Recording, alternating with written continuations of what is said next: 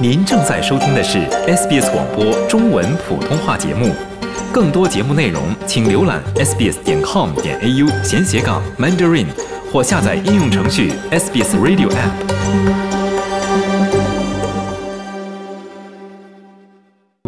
从法律角度看待社会现象，以专家意见指点生活迷津。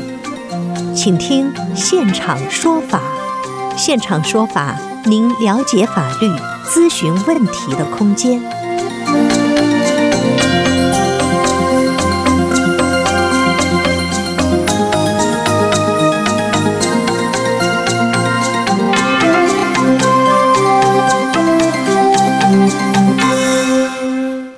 听众朋友好，欢迎您继续收听 SBS 普通话广播的现场说法听众热线节目。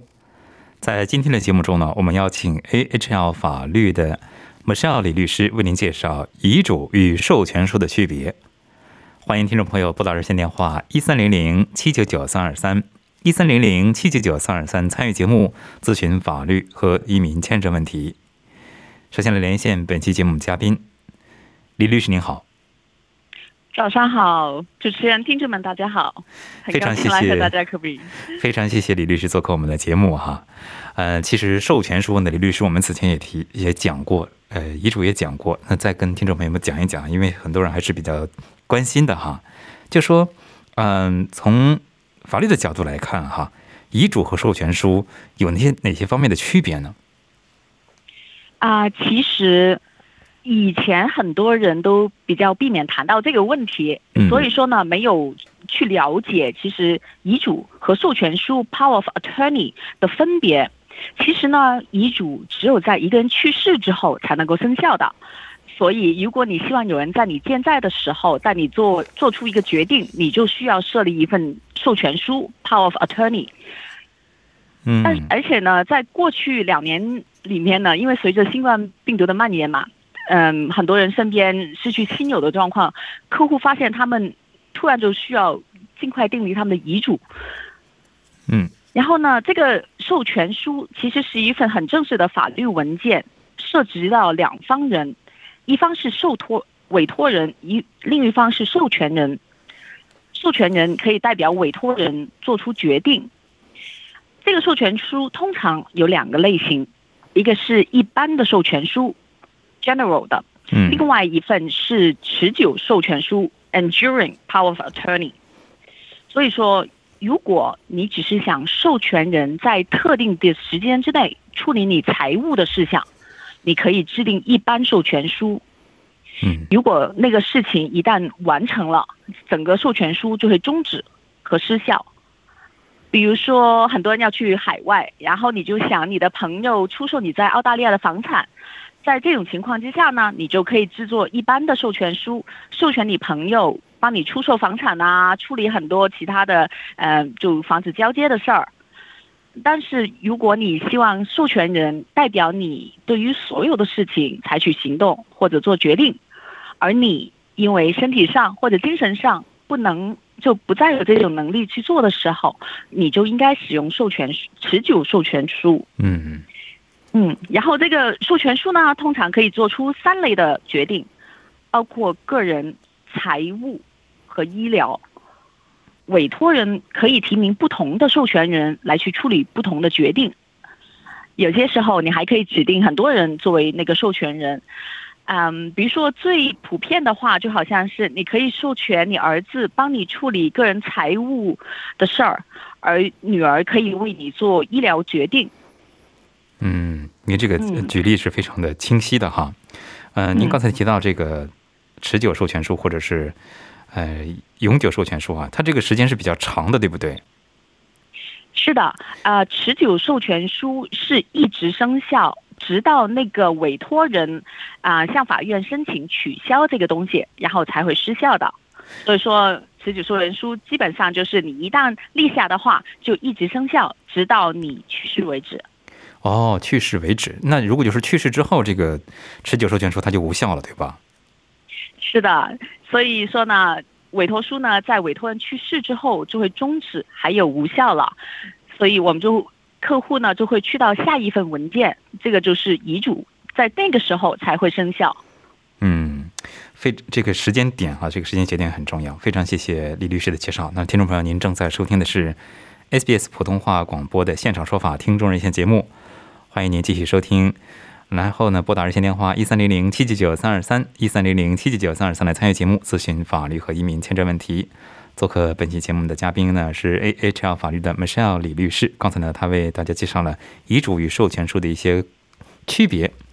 接下来我们接听听众电话，这位是 Michael，Michael 您好，你好，主持人好，哎，您好，呃您请讲你。好，你好，呃，我是前不久买了一栋房子，呃，在这个看房的时候，呃，中介，呃，我们问了中介有没有空调，有没有暖气，有没有冷气，他说有，是好的，但是 在呃前前一个星期收房的时候，呃，就是收房前的一个这个呃最后的这个 inspection，发现呢这空调有问题，呃没有暖气，然后我们就想呢，这个事情应该由他们来负责，就买家和他们来负责，但是呢他们一再推脱责任，就遇到这种情况，呃我们应该怎么处理？嗯哼。呃，这种情况其实通常呢，你说冷气、空调这些东西吧，不在你卖房那个合同里面，因为呢，咱们买一套房子，其实包括什么呢？包括你的土地、你的房子，还有就是跟房子，呃，就是定在房子上的东西。但是比如说你说你这个空调吧，是后来才加上去的一些东西呢，可能未必是在你的合同保护的范围之内，而且你说是中介口头上跟你说的这个东西，呃，就是要看一下大家有没有写下来，是不是，就是说一定要在一个能够运作的情况之下。如果不是的话呢，其实通常这个东西你必须要在验房，就不不是最后验房，就是你买房子的时候，通常，啊、我有很多客户，你知道吗？你洗碗机你都要试一下打开，你看一下空调是否能够打开。如果当时候是能够打开的，但是你收房的时候不行，那这个时候房东就有有责任而而为你去修。但是其实如果这个空调暖气一直都是无效的，那那就是说你签那个合同的时候已经默认它就是无效，那可能你再去追讨它的责任可能会有未必 未必那么有效果。嗯哦，呃，我是想说呢，因为在呃这个看房的时候，呃天气比较热，他们是开了就中介吧，就开了冷气的，然后暖气呢，呃，因为当时天气比较热嘛，我们也没有试过，确实是没有去试，但是我们那个一再问这个中介，我们就说，呃，有没有好不好？他说有是好的，那我们就相信了中介的话。那按你这个说法是没有办法去追讨，呃，你只能够可能问中介那边叫给你负责任了，因为这个，而且呃，始终中介是代表房东嘛。如果是中介做出这样的一个说法的话，那他们其实也是默认代表房东去说这个事儿的，呃，也不是对呀、不是说我们不可能直接跟那个中介呃跟房东来交流嘛，当时，对吧？对，所以说你还是嗯可以，就是说回去跟他们，就是说再去商协商一下。但是呢，因为咱们也没有看到那个合同上面写什么，是否有说到有这个事儿，，呃那确实确实没有专门注明这个空调是好的，呃，那嗯肯定是没有没有，或者是没有呃，我们没有仔细看呢，或者是他没有写空调，但是他广告广告里面是写有这个空调，但是嗯。肯定他不会那个广告也好，那个合同也好，肯定不会写这么详细，就说已经是呃工作的，呃，肯定这个嗯。这一点是确定。但是我一想，他们口头的承诺，呃，这个是算什么？算不算数？如果是这样的话，那显然就有很大的漏洞。我认为啊，因为客户来讲，不可能说是什么事情他呃，特别是这些东西，他不可能在一些特定的环境下，呃，不可能去试，当然也可以试了，呃，但是呢，我们是相信这个中介的嘛，呃，至少来说，中介他已经给了误导，或者是呃，完全他知道这个坏的，他可以说是好好的，或者是一种欺骗。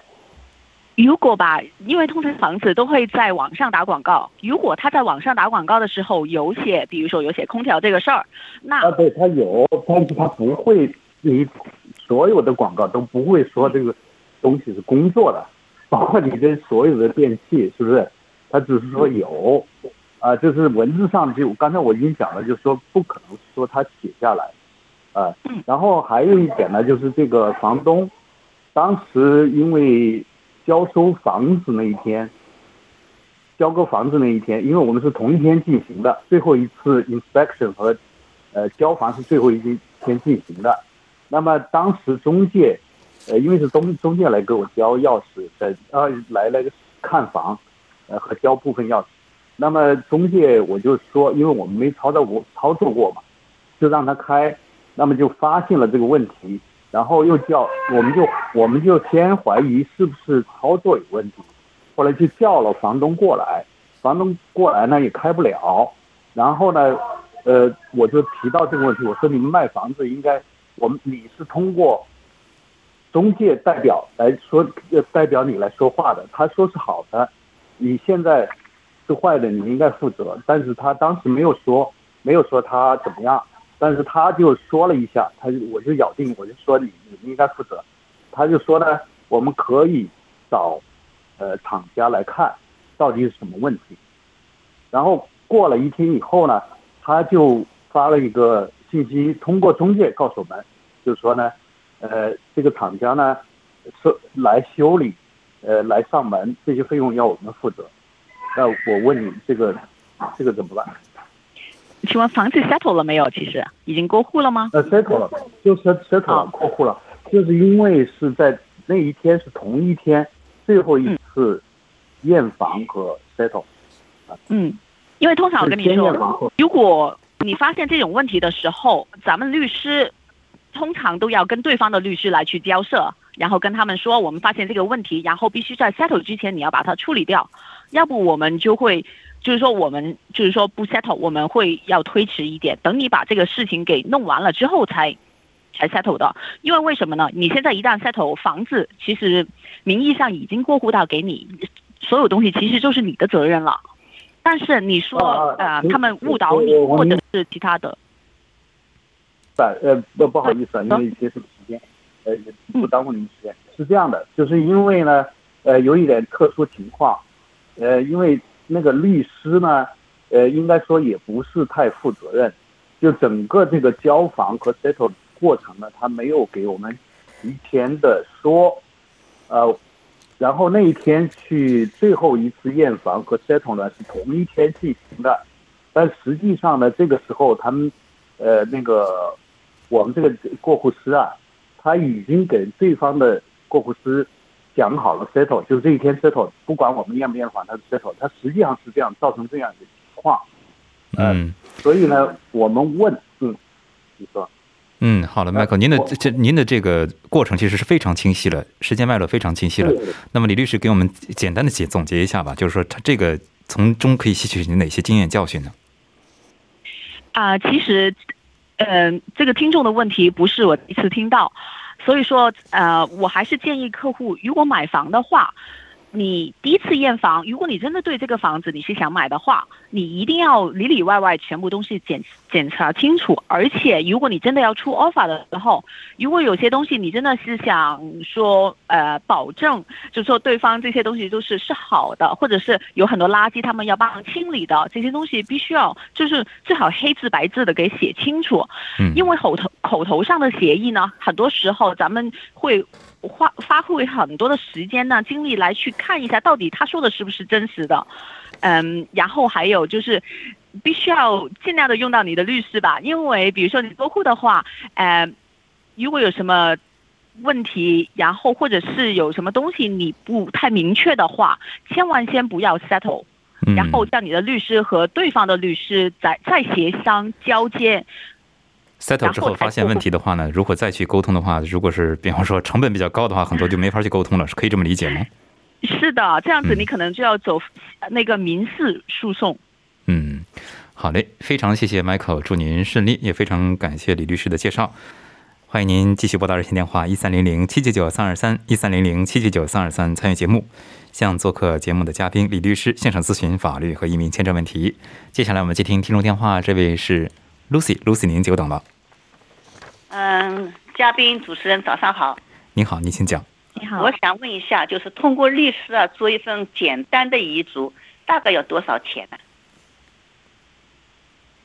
啊，你好，啊，其其实吧，每一个遗嘱的为什么价钱不一样，是因为每一个人的资产还有他呃其他的安排都不一样。比如说有些客户他有几套房产，然后他需要分配的那个方法比较复杂的话，那这样子就可能需要更多的时间来去去做这个事情。其实呢，呃，你你说到这个遗嘱多少钱呢？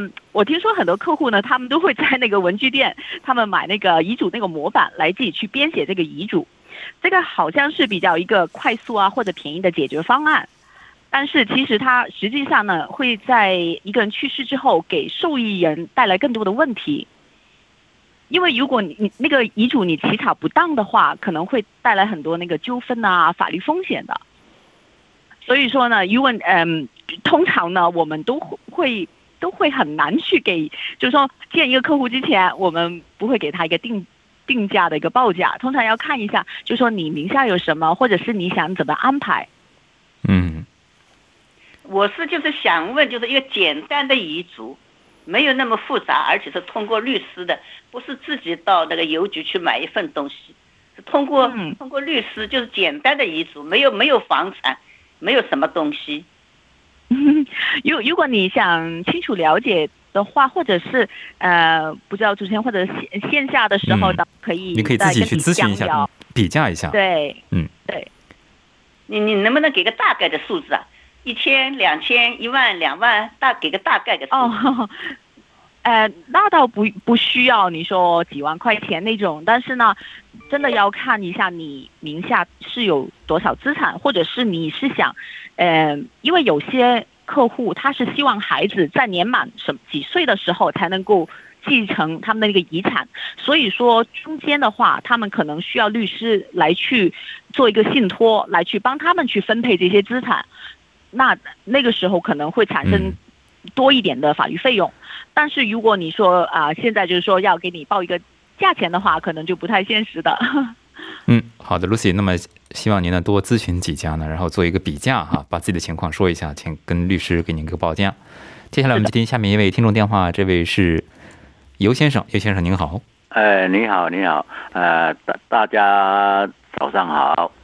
我想请问一下，就是呃，邮局买的那个遗书格式是不是有效？要怎样写才有效？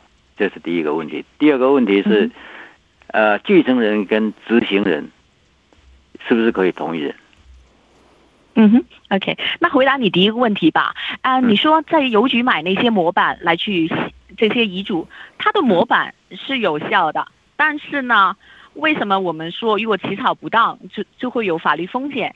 其实我们律师起草你遗嘱的时候用的是比较正规的那个法律的那种啊、文字字眼。等你之后真的要去认证这个遗嘱的时候，法院不会说过于的去质疑你的真实性或或者是有效性。所以说你买那个模板是可以，但是最重要是里面的内容。所以说为什么你要需要一个最好是有一个律师来去帮你编写里面的内容。嗯。然后第二呢，就是说那个委托人和受益人是否可以是同一个人，那个是可以的，执行人呢、可以的。喂，啊，执行人，那执行一般执行人有时有的都请，好像请律师事务所做，还是怎么样？一般。那通常呢，嗯，比如说你想受益人是谁，比如说你想交给你儿子，那么你儿子是可以是你遗嘱的那个受托人，然后他可以到时候，比如说，比如说你有一处房产，那他之后就可以把你的房产给卖掉，然后支付你的负债，然后再分给受益人，就是他自己。呃，执行人呃，就是跟继承人都可以同一人是吧？对，继是的，继承人啊。继承人。我就给我的儿子啊，我也授权我的儿子当执行人，这样可以吗？可以的。啊，可以。还有还有，执行一般执行费用是怎样算的？呃，那个如果说外外人执行的话。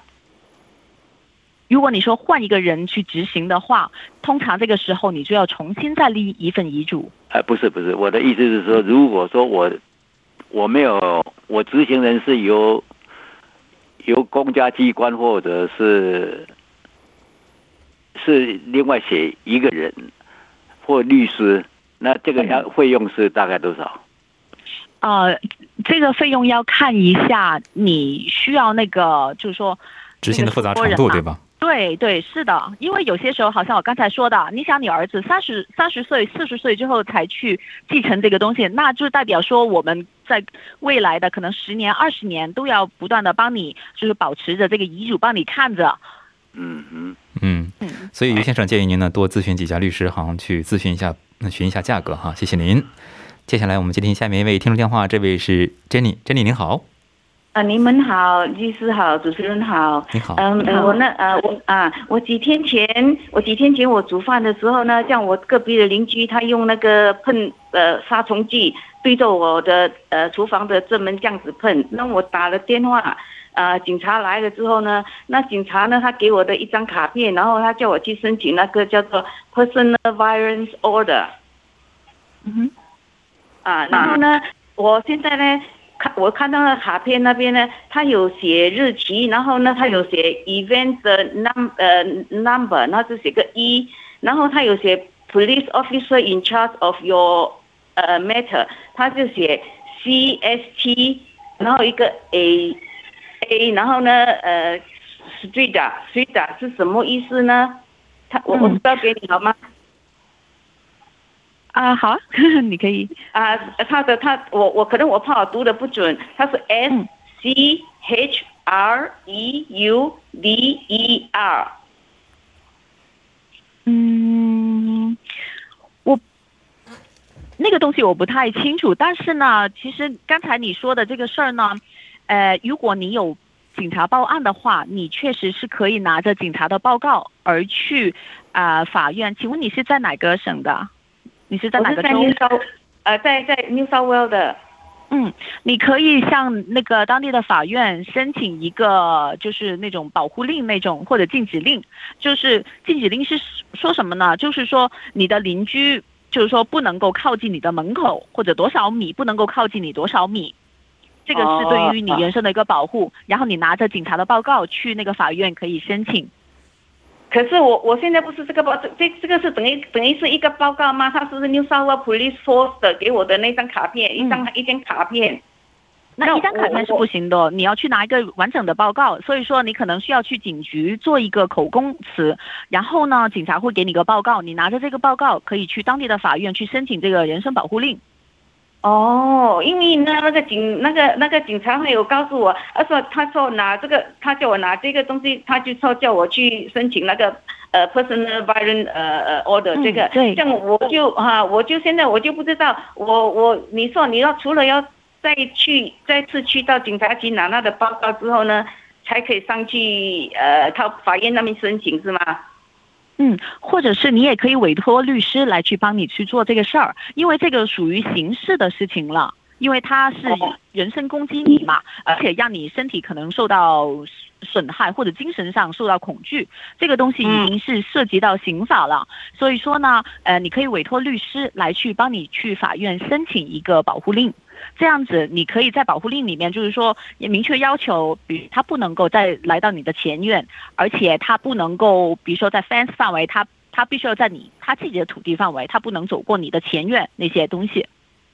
哦，所以所以呃，我自己自己去申请行吗？你也可以的，但是因为你刚才说的可能呃。英英文方面你可能不太熟悉，呃，那对，如果就是说有些东西，如果法院要问你一些问题，可能你回答的未必那么准确。会产生有些时候会延迟啊，或者是呃得不到你想要的效果。哦，嗯，这样如果说我我去找个律师来帮我们办这件事情，我就不需要去在警局去拿那个 report 了，是吗？是这样子的吗？啊，我们也可以代表你去跟警方那边去拿那些报告的。哦，这样，啊啊啊啊，OK OK OK，好好，这样大概大概费用啊，大概费用要要要多少费用呢？啊，费用的话还是你要线下跟呃律师行那些咨询的。OK，嗯，好的，谢谢珍妮，祝您顺利。听众朋友您好，欢迎您继续收听 SBS 广播的现场说法听众热线节目。做客本期节目的嘉宾李律师呢，为您介绍了遗嘱与授权书的区别，并解答了听众朋友们的一些疑问。欢迎听众朋友继续拨打热线电话一三零零七七九三二三来参与节目，咨询法律和移民签证问题。接下来接听下面一位听众，这位是王先生。你好，你好，你好，请问两个问题，第一个问题，市政府的树倒了以后，把我们翻倒到我们后院了，他把饭是砸坏了，他同意把树拿走，饭是他不赔。他说：“因为你这个树是自然原因，前几天刮风倒的。这个自然的这个原因是很难下定义的，因为那个地方有几乎有十棵树，就这一棵树倒了，因为它的倒的这一面是空的，它没有，如果没没没没办法自持了，倒到我们这边，那么这个情况到底是算自然的现象吗？还是这个啥的？这第一个问题。嗯。”那我回答你第一个问题先，啊，其实，在澳洲的话呢，所有的那个 fans 啊，是受到那个 fans 的那个呃 fans act fencing act 的，所以说呢，你这个 fence 其实如果有任何的损坏或者是需要更换的话，你需要跟你旁边那一户跟你那个 fence 相连的人来去商量，私下去商量如何解决这个事儿。然后听你说，你刚才说的那个后面是个空地，那应该是属于政府的吧？哎，嗯，那这个的话，他们其实是有责任跟你共同去，啊，就是 share 那个整个 fence 的维修的费用的，无论是谁的过错都好，因为这个 fence 是在你们两个中间的，所以说你要跟当地的那个 council。来去申请，就是说，呃，你跟他说现在坏了，比如说你拍一些照，给他们写封信，然后就跟他们说，我现在需要申请，大家一起共同就是承担这个呃 fence 的费用，这个是可完全是合法合理的。他说的他不负责任，要要你写信了吗，王先生？啊，您给对方写信了吗？已经，我给对他给我来信了，我给对上口头上讲了，我准备写信。他现在提出来就是自然倒了。这自然倒，我估计是没有什么，没有什么标准的啊，就是不是他们人为的，是这个不是他们维维修的不好，而是这个自然环境造成的，他就这个理由。因为我觉得可能你问的不是对的部门，因为来去清理你树的其实是另外一个部门，他们不会。就是说不懂你这个围围墙这些事儿，所以说呢，你必须要找到正确的政府部门。你也知道政府部门有很多个，你必须要找到正确的部门，然后来去做出正常的申请。他们都有一套流程。我找到了，嗯，我找到他是啊，Commission Insurance，Commission Commission Insurance 啊，怎么可能这样？嗯，那个好像是，请问你在哪个州呢？哦，我在维省。你在维州的话，我在我在我我在悉尼，我在悉尼。啊，你在悉尼，呃，那你有看到，就是你当地的 council 到底是哪一个 council 吗？我去，我都知道的，代表代表。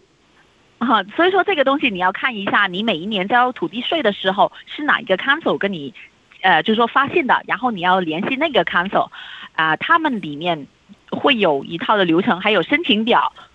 那些不是说你口头上跟他们说，啊，我我都做了，都做了，他给我回话是这样回话的，都做过了。嗯，那这些的话，可能如果你真的是需要去做进一步的跟他们去协商的话，呃，就如果你觉得，但是你要看一下那个价格哦，就是说维修的价格。如果你觉得维修价格他要求我们也进油了三千多块，也是有可特性的。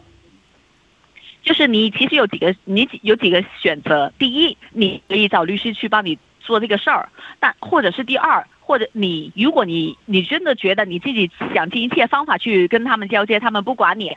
但是如果你自己愿意去承担这个费用，那你只有自己去去做。然后第三，你再去还是要再去看守，再跟他来来回回的交接。因为我觉得可能是在证据方面，或者是在你给他写的申请表方面没有，就说写的很明确。OK，这个问题我基本上听懂了。第二个问题，我的邻居一棵树也是在房子跟前找到这，基本上都是他们里面的。我和他联系，他不管。最后我就听 CT 康诉，他们都讲，有的人给我回答说，一人负责一半有人说你把他你这边砍过，他扔过去就完了。我到底怎么办？我觉得都不是个办法，你该怎么办？你是说树树啊？长到了自己这边，倒了以后倒到我们这面了，是他那边的树。好，由于时间关系哈，李律师给一句话来介介绍一下这个该怎么办呢？啊，其实这个东西吧，你。因为在 fence 问题其实是很复杂的，呃，很遗憾，你必须要跟邻居两个人去协商这个东西，很多政府部门、土地局都管不了的。嗯，所以说还是大家跟邻居保持良好的关系，嗯，这样子可以大家协商。非常感谢梅沙里律师做客本期的现场说法听众热线节目。听众朋友，因个人情况因人而异，法律问题复杂，本节目仅供一般性参考，并无意提供任何个案法律建议。具体法律纠纷，请您咨询专业的律师。我是刘俊杰，感谢您在清晨两个小时的陪伴。了解澳洲，融入澳洲，欢迎登录 sbs 点 com 点 au 前斜杠 language 前斜杠 mandarin，获取更多澳大利亚新闻和资讯。